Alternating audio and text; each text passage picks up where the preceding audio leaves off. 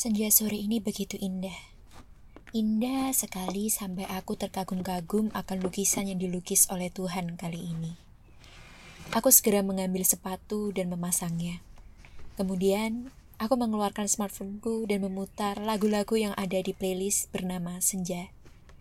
Playlist ini aku beri nama yang sama dengan namaku dan sangat cocok kalau didengarkan saat senja yang indah seperti ini. Aku segera memasang headset, kemudian membuka pagar dan mulai jogging sore.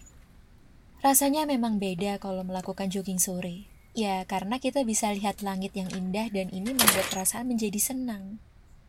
Selain itu, bisa berinteraksi sama anak-anak tetangga karena mereka selalu mengajak anak-anaknya main di luar rumah pada sore hari.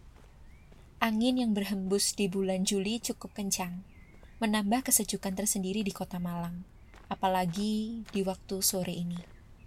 Pokoknya, kalau kita jogging di pagi hari sama di sore hari rasanya beda banget deh. Apalagi kalau setelah kepala diforsir untuk bekerja terus jogging. Buh, rasanya hati dan pikiran menjadi tentram.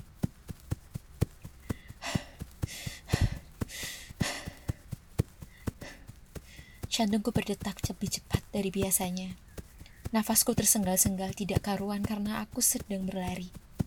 Tenggorokan terasa begitu mencekat, bahkan aku sampai berkali-kali menelan air liur yang perlahan mengering.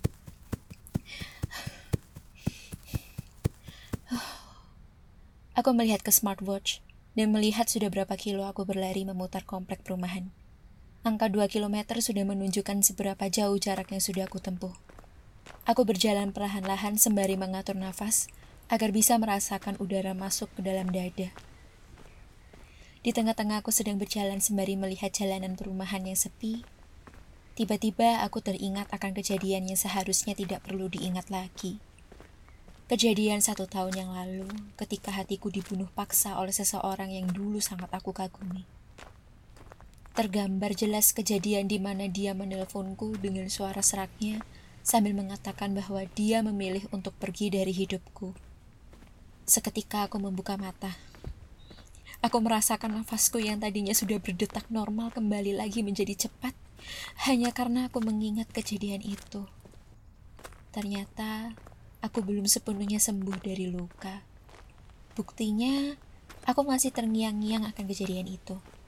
Kejadian di mana seorang laki-laki dengan bengisnya membunuh mati perasaanku dan membuat hatiku tidak mampu merasakan yang namanya cinta. Dia berhasil membuatku tidak percaya dengan yang namanya ketulusan dan hati baik laki-laki lain. Aku kembalikan melanjutkan lariku. Aku berlari dengan kecepatan yang sedang, kemudian semakin cepat, cepat, dan cepat, karena masih terbayang-bayang akan sosok laki-laki itu. Derap langkahku yang cepat beradu dengan detak jantung yang tidak mau kalah. Aku berlari sambil berteriak berusaha untuk melupakan kenangan penyakit itu. Karena aku terlalu cepat, tubuhku kehilangan keseimbangan dan aku terjatuh. Perih. Itu yang aku rasakan.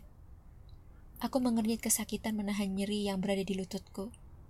Kemudian, di posisi dudukku, aku melihat ke langit, dan tiba-tiba saja air mataku mengalir begitu saja tanpa diminta. Aku mengusapnya dan melihat buliran air mata itu. Entah aku menangis karena aku terjatuh dan terluka atau mengingat kenangan yang menyakitkan itu. Aku tetap segera bangkit dan berjalan pincang untuk kembali ke rumah. Namun, lagi-lagi aku teringat saat waktu itu aku mendapat telepon darinya bahwa hubungan ini harus selesai, padahal saat itu aku sedang berada di posisi tidak baik-baik saja. Waktu itu, setelah aku mendengar semua penjelasannya, Aku memilih untuk berlari dan sampai sekarang berlari adalah hobiku. Aku masih ingat, dulu waktu aku berlari, aku menangis sesegukan tanpa merasa malu bahwa akan dilihat oleh orang banyak.